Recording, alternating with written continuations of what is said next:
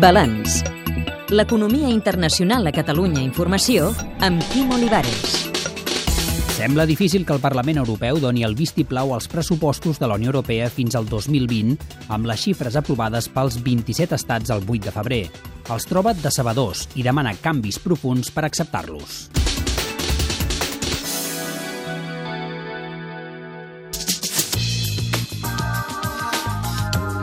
Just like everywhere else in Europe, Com qualsevol altra Europa, ens centrem majoritàriament a fer més amb menys diners. Més Europa no vol dir necessàriament més diners. more money. És el president del Consell Europeu, Herman Van Rompuy, quan aquesta setmana elogiava els pressupostos davant els eurodiputats, però només el va felicitar el tori Martin Callanan, això sí, amb ironia britànica. President Van Rompuy, of... President Van Rompuy, de part del meu grup, m'agradaria donar-li les gràcies per tancar l'acord. No discutim que sigui perfecte, no ho és ni de bon tros. Tot i això, sí que creiem que representa un equilibri sensat i pragmàtic. El guia dels socialistes, el president Holanda, va dir que la seva prioritat no era, de fet, una estratègia de creixement per a Europa, sinó una estratègia de creixement per les vaques franceses. Per Raül Romeva, del grup dels Verds, els pressupostos són una victòria dels euroescèptics. Jo crec que està en risc el Parlament, jo crec que està en risc el projecte europeu en la seva globalitat. Clarament han guanyat els euroescèptics, en el sentit de que han guanyat aquells països que precisament el que volen és debilitar les estructures europees a favor d'una renacionalització. Ara alguns eurodiputats pretenen ajornar-ne l'aprovació per després de les eleccions europees del 2014. Sentim Ramon Tremosa, del grup liberal, i Eider Gardiazabal, del socialista.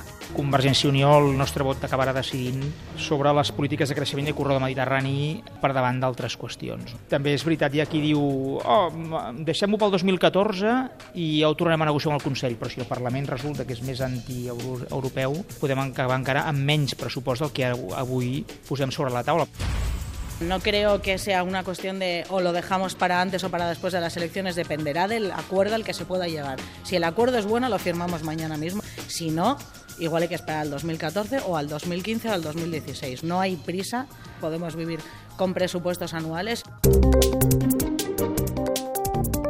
En el pressupost, els estats del nord aporten més euros que no pas en reben, tot el contrari que els del sud. Molts diputats nòrdics de diferents grups també m'expliquen que les opinions públiques d'aquests països recriminen molt que els països del sud tenen un europeisme de caixer automàtic. Només van a Europea a buscar diners, però ningú té interès en implementar les millors pràctiques en morositat al sector públic, reformar els mercats laborals, eh, justícies eficients, sistemes eh, escolars amb poc fracàs escolar, combatre el frau fiscal... Salvador Garriga pertany al PP europeu. Todos los países se consideran a sí mismos como el centro de la crisis. Uno habla con los suecos, los suecos están en crisis, habla con los daneses y están en crisis, habla con los griegos y están en crisis, por supuesto. Pero en principio siguen viendo, evidentemente, a, a los países del sur como los receptores de la solidaridad y con poca capacidad de contribuir al, al crecimiento de la Unión Europea. Malgrat l'austeritat, el govern espanyol aposta per mantenir les ajudes a la política agrària comuna, la PAC. El sector industrial que más está creciendo en España en su conjunto es el agroindustrial. Es donde realmente hemos producido un, un, un impulso de las exportaciones y eso está basado fundamentalmente en la PAC, o sea que me parecería suicida que como país eh, apostáramos por reducir la política agraria común.